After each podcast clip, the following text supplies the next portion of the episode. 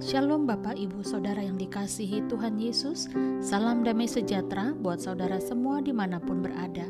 Kembali saya mengajak saudara Mari kita bersatu dan berdoa Dalam renungan penuntun kehidupan setiap hari. Kiranya roh kudus menuntun dan menyertai kita sepanjang hari ini. Tema renungan pagi ini Kecewa dengan Tuhan Nats Alkitab terdapat di dalam Yohanes 16 ayat yang pertama Demikianlah firman Tuhan.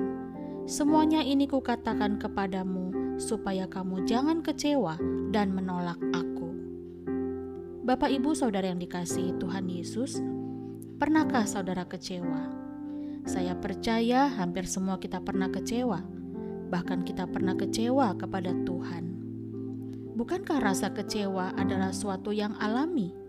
Tetapi kalau kita sampai kecewa dengan Tuhan, Siapakah kita, saudara? Padahal kitalah yang sering mengecewakan Tuhan. Saudaraku, murid-murid pernah kecewa kepada Yesus ketika mereka tahu bahwa pada akhirnya apa yang pernah Yesus katakan tentang penderitaan dan kematiannya di kayu salib itu terjadi. Yesus berkata kepada murid-muridnya bahwa ia harus pergi ke Yerusalem dan menanggung banyak penderitaan, lalu dibunuh dan dibangkitkan pada hari ketiga. Pada waktu itu, murid-murid belum sepenuhnya mengerti apa yang Yesus ucapkan. Mungkin dalam pemikiran mereka, mana mungkin hal itu akan terjadi karena mereka melihat ada kuasa di dalam diri Yesus. Sebab itu, Petrus pernah berkata, "Tuhan, kiranya Allah menjauhkan hal itu, hal itu sekali-kali tak akan menimpa Engkau." Maka Yesus berpaling dan berkata kepada Petrus, "Enyahlah iblis, engkau suatu batu sandungan bagiku, sebab engkau bukan memikirkan apa yang dipikirkan Allah, melainkan apa yang dipikirkan manusia." Matius 16 ayat 22 sampai 23. Saudara perhatikanlah dengan baik Seringkali rasa kecewa dengan Tuhan lebih banyak disebabkan adanya keinginan-keinginan dalam hati kita, adanya kepentingan-kepentingan pribadi, atau kepentingan-kepentingan duniawi di atas kepentingan sorgawi. Alkitab menulis bahwa kehidupan para murid berubah drastis sejak Yesus tidak lagi bersama-sama dengan mereka karena kematiannya di kayu salib. Artinya, sejak itu murid kembali kepada kehidupan lama mereka.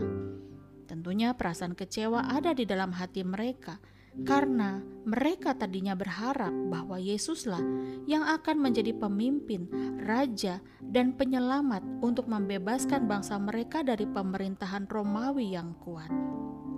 Saudara, Alkitab juga mencatat bahwa ada tokoh-tokoh di dalam Alkitab yang juga pernah kecewa dengan Tuhan seperti Yunus yang kecewa karena Tuhan mengampuni orang-orang di Niniwe yang bertobat. Nabi Habakuk juga pernah kecewa karena Tuhan tidak menjawab doanya sekian lama, bahkan tidak juga menolong, sementara hukum sudah tidak dapat lagi memberikan keadilan kepada orang-orang benar pada zaman itu. Demikian juga ada Naomi yang kecewa karena Tuhan mengizinkan hal-hal yang pahit menimpa hidupnya, sampai-sampai ia berkata, "Janganlah panggil aku Naomi, panggil aku Mara." Sebab arti Naomi adalah menyenangkan, tetapi arti Mara adalah pahit. Tahukah saudara, perasaan kecewa tidaklah baik bila dibiarkan menguasai hati kita. Apabila kita kecewa dengan orang lain terlalu berlebihan, maka akan timbul kebencian dan dendam di dalam hati kita dan tentunya kita akan berdosa kepada Tuhan. Demikian pula apabila kita kecewa dengan Tuhan, maka yang terjadi kita tidak dapat melihat bahkan tidak dapat mengerti rencana Tuhan, tujuan Tuhan dalam hidup kita. Bahkan mungkin kita akan meninggalkan Tuhan. Karena ada banyak orang Kristen yang meninggalkan imannya karena kecewa dengan Tuhan. Saudara, mungkin kita pernah berkata kepada Tuhan, "Tuhan, mengapa hidupku susah? Mengapa bisnisku merugi? Mengapa aku susah mendapatkan pekerjaan? Mengapa aku belum mendapatkan jodoh? Mengapa aku gagal? Mengapa aku belum melihat pemulihan atas rumah tanggaku?" Padahal aku sudah percaya kepadamu, aku sudah berdoa, aku sudah melayani, aku sudah rajin ke gereja, bahkan aku sudah menabur, aku sudah sering menolong orang yang susah. Mengapa Tuhan tidak segera menolong aku? Saudara, mungkinkah kita masih berpikir bahwa ikut Yesus, maka segala sesuatu yang kita inginkan akan selalu disediakan Tuhan? Atau segala sesuatu yang kita minta kepadanya pasti akan diberikan Tuhan?